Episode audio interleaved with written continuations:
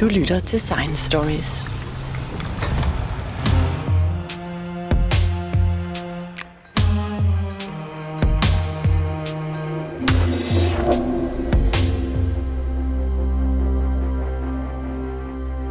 Morten Bo Madsen, det er efterhånden ved at være et års tid siden, at jeg spurgte dig sidst om, hvordan det går på Mars.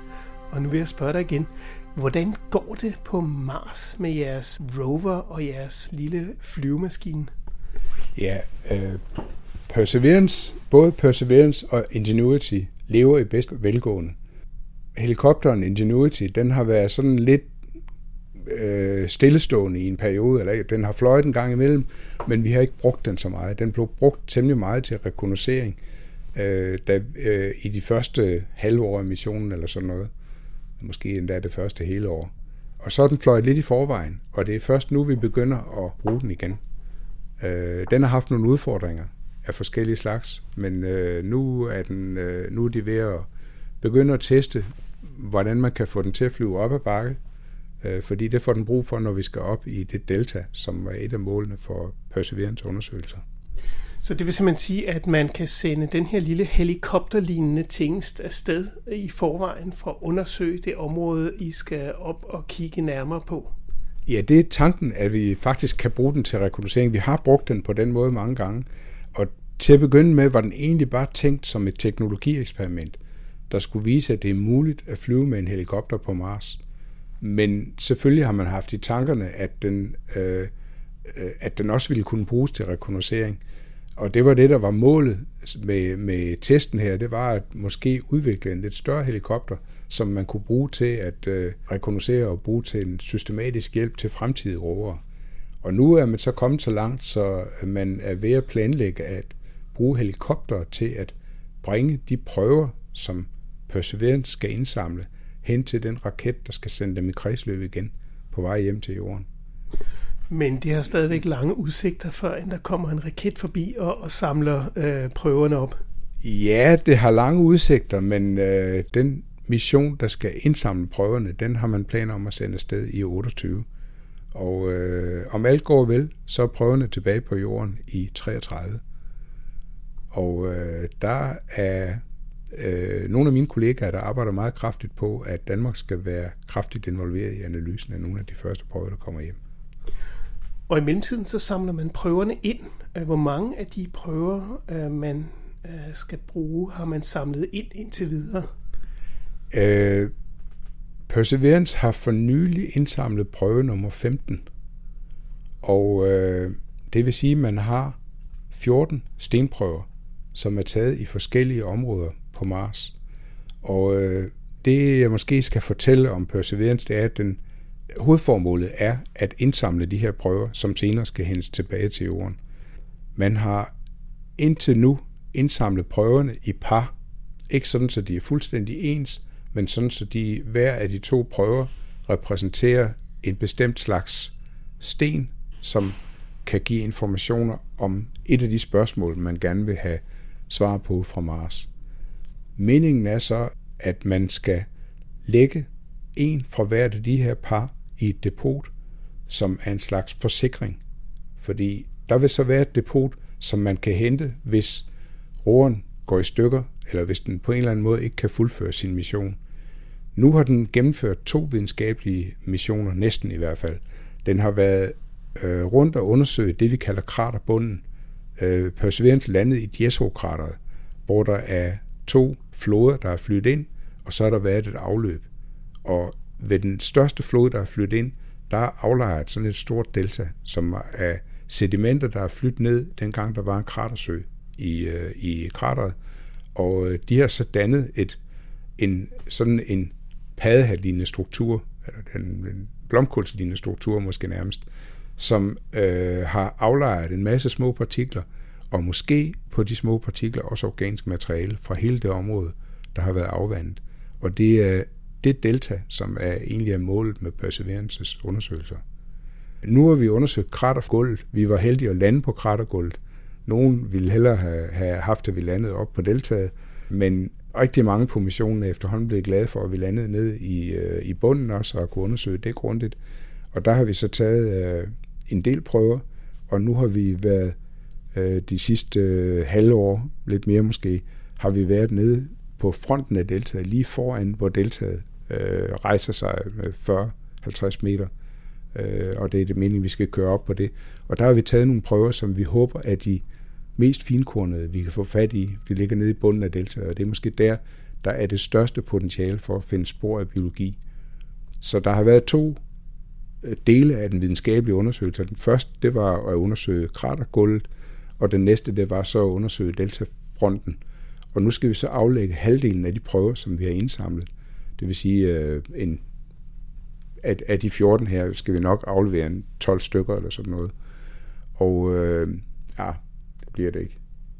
Det bliver færre. Men, men det er ikke lige, lige skarpt halvdelen, men vi skal aflevere nogle af prøverne, og nogle vil vi så tage med op på deltaget, indsamle nogle flere prøver. Måske, hvis missionen lever længe nok, så kører vi videre op af floden og op på det område, hvor materiale er, er eroderet væk til at danne det delta, som vi så har undersøgt. Og det, jeg har læst mig til, det er så, at, øh, at den sø, som I undersøger, den i virkeligheden, øh, den har et afløb, som ligger relativt højt, så det har været en meget dyb sø. Der har været rigtig meget vand i den, og, øh, og der har været afløb fra den, og så på et tidspunkt, så er, er afløbet har ligget relativt højt, og så resten er så bare fordampet. Ja, det vi kan se er allerede fra nogle af de første undersøgelser, der blev lavet alene ved hjælp af hovedkameraet på missionen Marscam Z, det, der undersøgte man nogle af de her, øh, nogle, man kan kalde dem små bjerge eller bakker, der ligger nede på kratergulvet, som ikke hænger sammen med det, vi kan se, som er det store delta.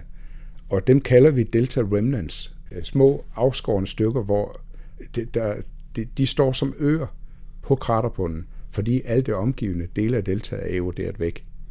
Så der står nogle små øer, og en af dem hedder Kodiak. Og øh, den har vi undersøgt grundigt med, øh, med kameraet.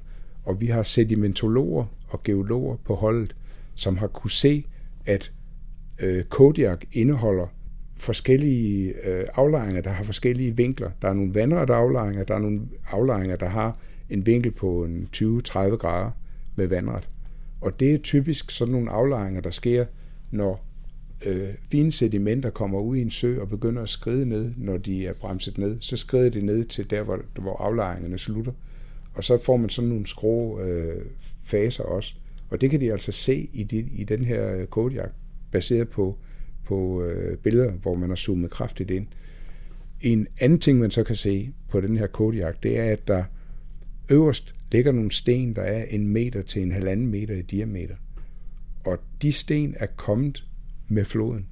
Og det vil sige, at der har været et ret kraftigt øh, vandflow for at kunne flytte så store sten, der ligger tilbage der. Øh. En anden ting, man kan se, at det, når de ligger der, så har det været øh, det har været omtrent søniveauet øh, dengang. Altså stenene er kommet øh, tumlet ned med et kraftigt vandflow og øh, vandet har ikke været ret meget højere, da de der ting er sedimenteret under dem. Og det niveau ligger lavere end det, man kan se af afløbet nu. Og det viser, at da Kodiak blev aflejret, der har søen haft et niveau, der ikke er så højt som afløbet. Men afløbet viser, at der har været et højere niveau af søen engang, for der har løbet vand ud af det afløb. Og det betyder, at øh, det er en indikation af, blandt flere, at der har været søer i Jesokrater mange gange. Det er ikke kun én gang. Så det har været, det har flugt, øh, højden i søen har fluktueret op og ned, og øh, som du siger, er den ret dyb. Afløbet svarer til, at øh, overfladen, fra overfladen og ned til bunden af krateret, som vi ser det nu, er der 300 meter. Og øh, krateret er der løbet noget materiale ind i, også nede i bunden, så det kan godt have været måske 350-400 meter dybt, da det var dybest. Men Morten Bo Madsen, hvor er alt det vand forsvundet hen? Altså, øh, der er jo ikke ret meget vand på overfladen af Mars. Der er jo på polerne, men, øh, men ikke der i øh, Jezero-krateret. Kunne man forestille sig, at det øh, er forsvundet ned i, i Mars? Ja, hvad kalder vi det? Marsen? Ja, Mars-overfladen. Altså det er sådan, at hvis man, øh, når man kigger rundt på Mars globalt, så kan man se ved, øh, ved hjælp af gammastrålespektroskopi og neutron tilbagespredning fra kredsløbssonder, at øh, der er en vis koncentration af brint i hvert fald op i den øverste meter af overfladen. Og øh, det man så yderligere set, det, det betyder, at der er nede i nærheden af ekvator, er der områder, hvor der er måske 8-10% vand, hvis man regner med, at den brint her sidder i vand. Øh, når man nærmer sig polarkalotterne, som du siger, så kan man se, at det er udelukkende vand. Der er nogle gange en lille, et lille lag af koldioxidis ovenpå, men ellers så består polarkalotterne hovedsageligt af vand. Øh, men det man så kan se, øh, når meteorer slår ned på overfladen af Mars, det er, at de laver nogle huller, hvor der kommer noget meget kraftigt reflekterende materiale til syne. Og det sker helt ned til, øh, helt ned til ekvator. Og de øh, huller har det været muligt at analysere ved hjælp af et spektrometer, der er ombord på øh, Mars Reconnaissance Orbiter. Og selv om pixlerne er meget større end selve krateret, så har man kunne detektere vandis i de huller her. Så man kan altså slå hul på overfladen, og en 2-3 meter ned, der findes vandis. Helt ned til ekvator. Det, vi ved ikke, hvor tykt det er, og vi ved ikke, om det er over det hele, for det kan vi ikke måle med de der kredsløbssonder, der systematisk måler over hele, over hele Mars.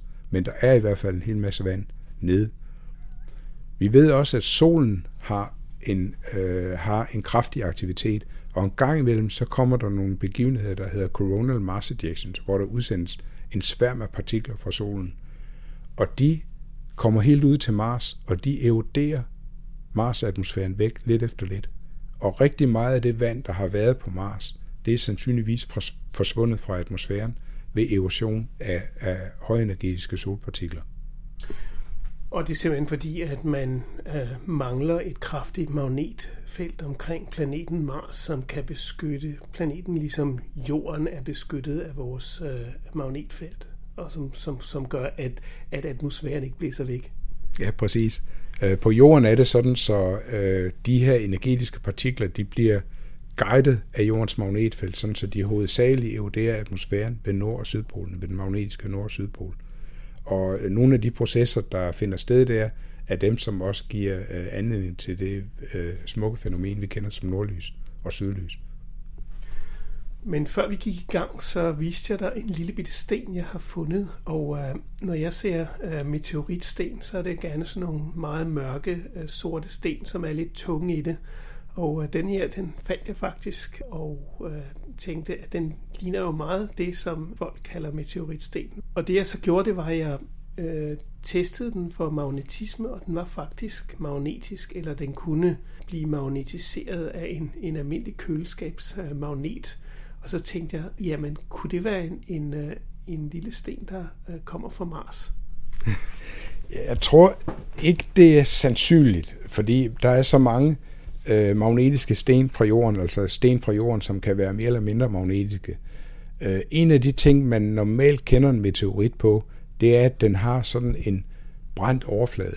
Og den her er så lille, så det kan måske være sådan en, man har trådt på, hvis, det var, øh, hvis vi antager, at det er en meteorit. Øh, Øh, men øh, det, der sker, når en, øh, en sten rammer jordens atmosfære udefra med en høj hastighed, typisk 5-10 km i sekundet, det er, at den smelter på overfladen. Og når den smelter, så fjernes det materiale, som smelter. Og fordi den bevæger sig med så høj en hastighed, så bliver det materiale, der smelter, det, bliver, det forsvinder fra overfladen. Så der kommer hele tiden ny overflademateriale til, som bliver eksponeret.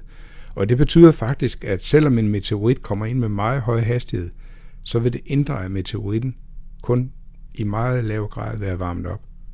Så det, al opvarmningen, den sker i et meget, meget tyndt lag udenpå. Først til allersidst, når hastigheden bliver lav, så, øh, eller lav og lav, så, så sker friktionen sådan, sådan så, øh, så den ikke længere smelter væk, og så bliver den stadig lidt varm på overfladen. Så hvis man finder en ny falden meteorit, så kan den godt være lidt lun eller varm på overfladen. Okay, det lyder i hvert fald øh, spændende, men, øh, men der er ingen tvivl om, at, øh, at når Mars bliver ramt af af forskellige objekter udefra, øh, så er muligheden for, at, at små stumper flyver op og, og kan ramme andre steder, andre planeter. Ja, hvis, hvis øh, det, der skal til, er, at der er et objekt af en vis størrelse, der rammer ned på overfladen af Mars. Øh, på jorden er det sådan, at for at man skal få noget fri af jorden, så skal man op på en hastighed, der er højere end 11,2 km i sekundet. På Mars er det, der hedder undvielseshastigheden, den er 5,8 km i sekundet. Så der skal noget til for at bringe et, en lille sten fra Mars op på den hastighed. Men det sker altså. Der er relativt store krater på Mars, der ikke er øh, af vulkansk oprindelse. De fleste er faktisk meteorer, der er slået ind på Mars. Og nogle af dem er så store, så der har været rig mulighed for, at der har kunnet slås materiale ud. Øh, og vi har på jorden mere end 100 kg materiale, som vi ved kommer fra Mars. Øh, og det er en lang historie om, hvor, øh, det er en lang historie, hvorfor vi ved, at de kommer fra Mars. Men det er sådan, at når man slynger noget ud fra Mars, så bevæger det sig i kaotiske baner ind mod solen. Men fordi jorden ligger indenfor, og fordi jorden har et ret stort tyngdefelt, så fanger jorden faktisk cirka 25% af de meteoritter, der bliver slået ud fra Mars. Og da jeg fik det at vide af en meteoritekspert, så var jeg meget overrasket over, at tallet var så stort som 25%. Men det er så typisk på Sydpolen eller ved store gletsjer eller steder, hvor at, at overfladen har været eksponeret gennem meget lang tid, at man, at man ser opsamlinger af den slags uh, nedslag. Ja, det er lettest at finde dem de steder. Altså når, når meteoritter rammer jorden, så går to tredjedel af dem tabt, fordi de rammer havet, og der er de meget svære at finde. I princippet kunne man godt øh, grave efter eller søge efter sådan nogle ting på havbunden. Øh, men også når de lander på en tilfældig mark, kan det være svært at se, at det er en meteorit, medmindre man øh, finder sådan en fusion cross, som det hedder, sådan en øh, smelteskorpe på overfladen. Øh, men gletsjer, både på Antarktis og på Grønland, bevæger sig. Og øh, det, man så har fundet på Antarktis, har man fundet nogle steder, hvor gletsjer bevæger sig øh, op af små bjergtoppe, der stikker op i isen. De hedder nunataks.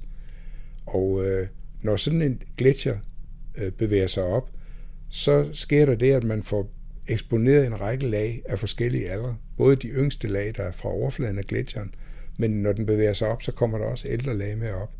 Og det betyder, at man kan få øh, sten, som er kommet fra rummet, som er samlet op over meget lang tid, dem får man eksponeret på en gang, når når gletsjeren nærmer sig sådan en overflade, hvor, hvor overfladen så smelter væk.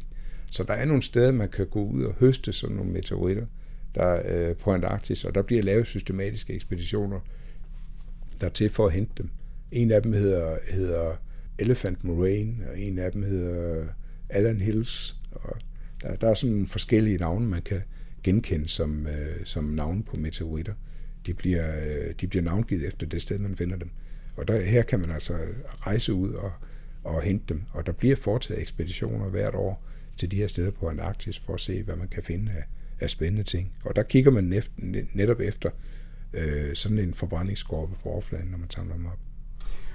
Men der er i hvert fald en sammenhæng mellem magnetisme, magnetfelt og så en planets øh, atmosfære. Jeg tænkte også på, at øh, her på det seneste har der været nogle rapporter om øh, jordskæld på Mars, og, øh, og jeg troede i virkeligheden ikke, at man havde øh, særlig mange muligheder for jordskælv på Mars, fordi man, man ligesom havde en, en fast øh, frossen kerne, men, øh, men det er den ikke rigtigt. Det, den, den bevæger sig, den kerne, man har øh, på planeten Mars. Ja, InSight, missionen InSight, øh, ved hjælp af de meget, meget følsomme seismometer, der er på, på, ombord på den, så har man kunne detektere signaler fra Marsskælv, øh, som man kalder dem på Mars, og man har kunne detektere, når meteorer har slået ned på overfladen. Øh, og baseret på de data har man kunne øh, måle, hvor langt der er ind til kernen. Og man har også kunne se, at øh, i hvert fald en del af kernen er flydende. Øh, og det har man ikke vidst før. Det er, man har ikke vidst, om den var fast eller flydende. På jorden er det sådan, at vi har en, en øh, skorpe, og vi har en kappe, og vi har en flydende kerne, og så har vi en fast kerne inde midt i. Og øh, en af de ting, der er med til at producere varme inde i jorden, det er, at dele af den flydende kerne bliver fast. Og når den bliver fast, så frigives der varmeenergi, og den trænger ud igennem, øh, igennem jorden. Det ser ud til, at den tilsvarende proces finder sted på Mars. Og hvor på jorden, der er den, den, øh, den her proces så kraftig, Så den flydende del af kernen, der foregår konvektion, der foregår nogle strømme inde i den, som er drevet af varmen, der bliver produceret, når den flydende kerne bliver fast i, i grænsefladen mellem dem. Og øh, det er de strømme, der er med til at generere jordens magnetfelt. Men der skal et vis flow til de strømme, før de er kraftige nok til at generere et magnetfelt. Og det kan vi se, at det er de ikke længere på Mars. Og derfor var det måske en overraskelse at finde ud af, at, at øh, noget af kernen stadig er flydende. Øh, det er i hvert fald ikke noget, man havde vidst. Der er en, en, øh, der er en amerikansk forsker, som har arbejdet på nogle af de her øh, første detektioner af, af magnetiserede klipper i overfladen. Øh, det var helt tilbage med Mars Global Surveyor, der ankom til Mars i 97. Øh, der målte man efter Mars' magnetfelt, og man regnede ikke med, at der var noget. Men så fandt man nogle meget kraftige signaler, der, som det viste sig, stammede fra overfladen, fra øh, mineraler, der er blevet magnetiseret i overfladen. Og grunden til, at de mineraler er blevet magnetiseret, det er, at Mars engang har haft et globalt magnetfelt, ligesom Jorden har. Måske et dipolfelt, måske en mere kompliceret geometri af feltet. Øh, men de har i hvert fald efterladt nogle klipper, der er kraftigt magnetiseret. Og dem kunne man måle fra en kredsløbssonde fra 400 km højde. Og der har man så systematisk undersøgt mønstrene af de her magnetiseringer, så godt man nu kan ned i overfladen fra 400 km højde.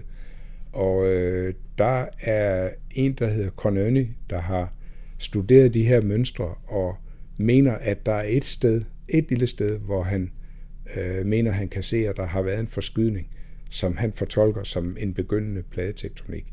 Men han står lidt alene med den fortolkning, at det er pladetektonik.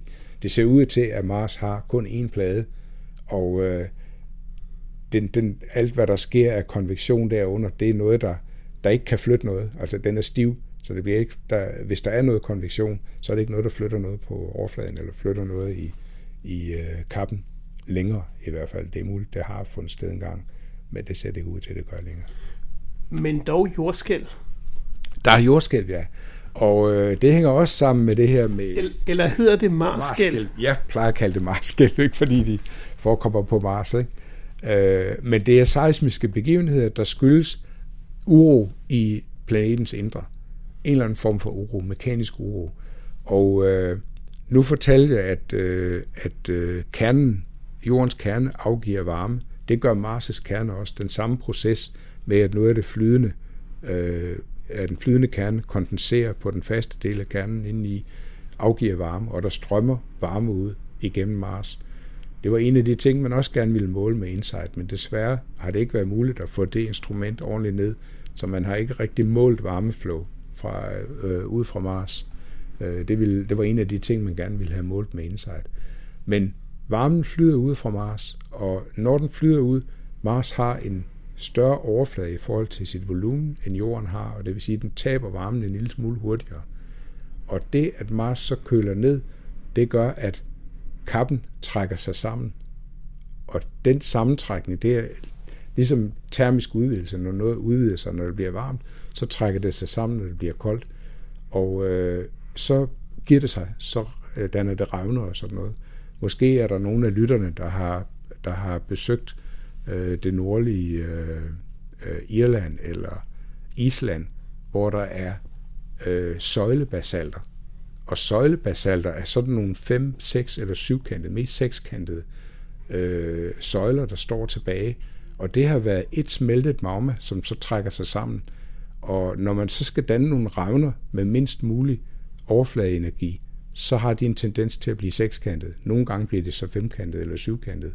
Og det er i princippet det samme, der sker på Mars. Den køler sig ned, og så skal den øh, give sig øh, lidt, og den revner nogle steder, og det er det, der sandsynligvis det, der er kilden til det, man kender som Mars-skælv.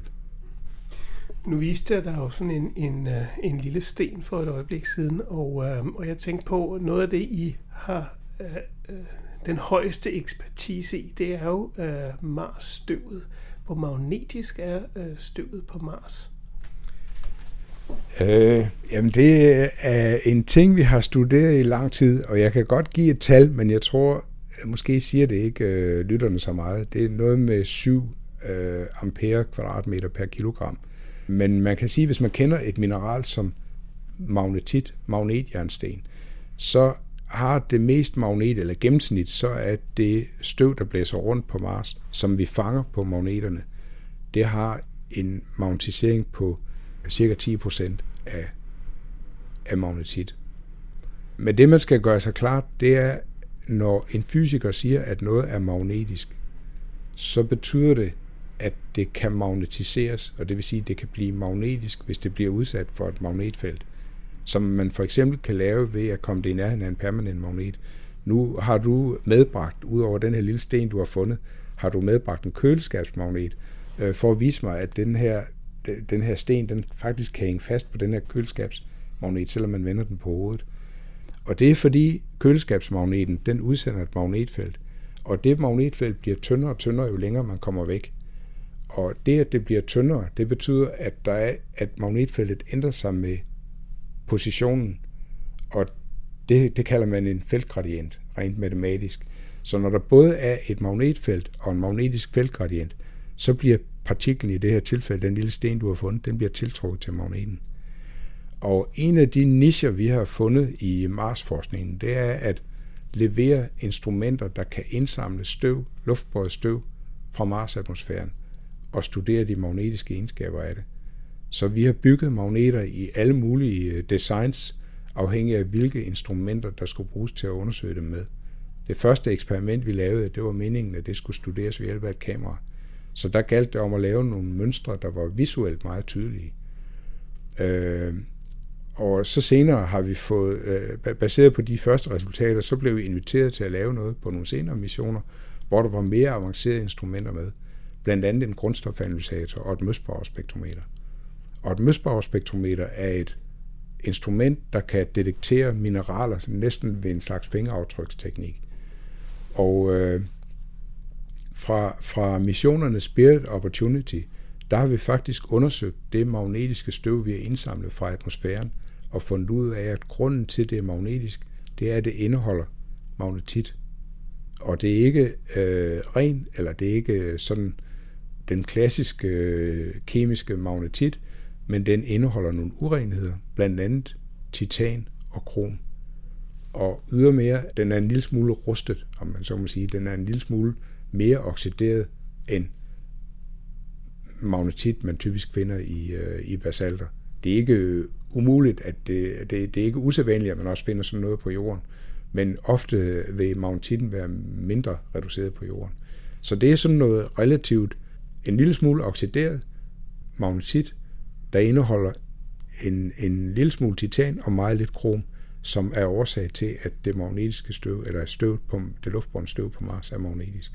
Og det har vi fundet ud af ved at indsamle det og studere det med et øh, møsbauer-spektrometer og en grundstofanalysator. Men igen, når man indsamler sådan noget med en magnet, så har vi taget en del af partiklerne ud, og det er den del, vi kan studere. Vi, vi kan jo ikke sådan afgøre præcis, hvor stor en del af partiklerne er det, vi tager ud.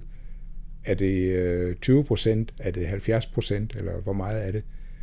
Øh, men der lavede vi på samme mission et andet eksperiment, som havde til formål at prøve at finde ud af, hvor stor en brøkdel af det støv, der blæser rundt på Mars, er magnetisk. Og der fandt vi ud af, at det nok er mindst 70 procent, måske helt op til 95 procent. Det er meget svært at kvantificere. Øh, men det har så gjort, at vi er blevet bedt om at, baseret på permanente magneter, at lave nogle, øh, nogle små områder, som vi kan holde meget rene. Øh, så på Phoenix blev vi bedt om at lave det, der hedder en, en uh, referenceplade, en, en, en uh, farve uh, kalibreringstarget, eller spektros, spektrometer kalibreringstarget til uh, kameraet. Uh, ka- kameraerne på Mars er nogen, der ikke kun ser det synlige område, de kan også se ud i det nærinforråd. Og de har sådan en række båndpasfilter, der gør, at man kan lave en meget grov form for spektroskopi ved hjælp af de her kameraer. Så det er vi blevet bedt om at lave kalibreringstargets til. Øh, og det blev vi også bedt om til Perseverance. Så der har vi lavet øh, kalibreringstarget til, til Mastcam Z, som er hovedkameraet til Perseverance. Øh, og vi har også leveret nogle elementer til Supercam-instrumentet, som også har en dels et infrarødt spektrometer, som skal kalibreres, og det har et øh, farvekamera, som hedder øh, Remote Micro Imager, så den kan lave øh, de bedste telebilleder, man kan tage på Mars, en lille rund, rund plet, dem kan man tage med, med øh, RMI'en, som den hedder, en del af Supercam. Ja. Og det betyder, at I har et rigtig godt billede af geologien på Mars. Jeg tænkte, jeg tænkte på, hvis man sammenligner støv på jorden med støv på Mars, så det på jorden er jo ikke særlig magnetisk. Altså hvorimod, at, at, at, at hvis du siger, at det er 70 procent af støvet, der er magnetisk på Mars, så, så er det lige før, man kan, man kan gøre rent derhjemme med en magnet. ja, det kan vi ikke på jorden. Der er det, der er det kun en lille, øh, meget lille brøkdel, der er magnetisk. Men hvis vi lader et af vores kalibreringstargets stå på et værksted for eksempel, øh, eller vi, vi har haft nogen til testning på Jet Propulsion Laboratory, hvor de skulle testes for temperaturændringer. Hvis det kammer, de står i, ikke har været fuldstændig ren, så samles der faktisk skidt øh, små partikler fra det kammer på vores kalibreringstarget. Og det har vi set øh, fra nogle af de ting, vi har testet inden de blev sendt afsted. Eller, det er ikke de samme ting, man tester, som bliver sendt afsted. Man bygger noget, som er meget, meget rent, og så tester man en replika for at sikre, at den kan holde til alle de ting, der bliver udsat sat for, når den skal til Mars. Og nogle af dem har samlet skidt fra, fra de miljøer, de nu har været i. Så der er også magnetstøv støv på jorden, men slet ikke i samme koncentration som på Mars. Men øh, nu skal vi i første omgang have de her prøver ned fra Mars. Hvor lang tid tror du, der går? Hvad ligger der af planer for at sende en bemandet mission afsted til Mars? Altså det må efterhånden være, være derhenne, hvor at vi har øh, hvad hedder det, teknologien til at gøre det. Altså jeg ved, at der er flere, der arbejder på sagen. Det er ikke kun NASA, men også SpaceX og også ESA har planer om i hvert fald at skulle deltage i bemandet udforskning af Mars. Jeg vil lige sige allerførst, at det med at hente prøverne hjem, det vil man gøre med robotter, så de kommer hjem i 33. Og jeg tror, selv om Elon Musk siger, at han har planer om at få folk ud til Mars væsentligt tidligere, som jeg vil se det før, jeg tror det er, at man får folk derud. Øh, men det bliver sandsynligt, jeg kunne forestille mig, at det bliver et samarbejde mellem øh, NASA og Elon Musk. Det er sådan, at NASA køber raketter fra Elon Musk, og øh, nu sender man astronauter til rumstationen ved hjælp af Elon Musks raketter. Så jeg kunne forestille mig, at man måske på et tidspunkt vil øh, købe ydelser hos Elon Musk for at gøre tingene hurtigere. Men øh, han har jo sine egne ambitioner om øh, måske at gå selv, ikke? så nu må vi se, hvad der sker. Så det kan være, at vi øh, kommer i en situation, hvor Elon Musk står deroppe og stopper de her prøver ned i en, i en flaske og sender dem tilbage til jorden. Det tror jeg ikke. Jeg tror, de vil være hentet for længst. Og jeg tror egentlig heller ikke, at øh, altså, det vil ikke være tilladt at gå hen og hente de her prøver. Altså, der, de er fredet, og de er meget omhyggeligt indsamlet for ikke at blive kontamineret. Vi vil helst ikke have noget, der har med mennesker at gøre i nærheden af de her prøver, inden de kommer hjem. De skal hentes øh, i et så jomfrueligt miljø som muligt, og så skal de øh, bringes hjem til jorden, og der vil de blive underlagt meget øh, kraftige karantænebestemmelser. Man øh, regner med at bygge en, en modtagestation, som øh, er, øh, ja, den kommer til at ligne en kombination af et rent rum til fremstilling af super øh, mikroelektronik, og så et, øh, et øh, laboratorium, hvor man kan håndtere Ebola-virus. Øh, fordi man vil ikke risikere, at hvis der skulle være en eller anden biologi i de her prøver, at det så bliver spredt til resten af jorden. Så man vil opbevare de prøver i øh, sådan en facilitet, så vil man skære små bidder ud af dem, sterilisere dem, og så vil de dele af prøverne, der er steriliseret, de vil blive delt ud til, øh, til folk over hele jorden, der har de bedste laboratorier for at lave undersøgelser. Og så vil man lokalt i det her center øh, undersøge prøverne, eller dele af prøverne også for biologi, for sporbiologi. Mest gammel biologi. Man regner ikke med, at der er noget, der er levende og aktivt længere. Men det var også nogle overvejelser, man havde i sin tid, da man sendte den første bemandede øh, mission til månen. Ja, det er vigtigt at sikre, at man ikke bringer et eller andet, som man ikke kender til jorden, som eventuelt kunne sprede øh, sygdomme på jorden. Tak skal du have, Morten Bo Madsen. Tak lige måde. Altid en fornøjelse.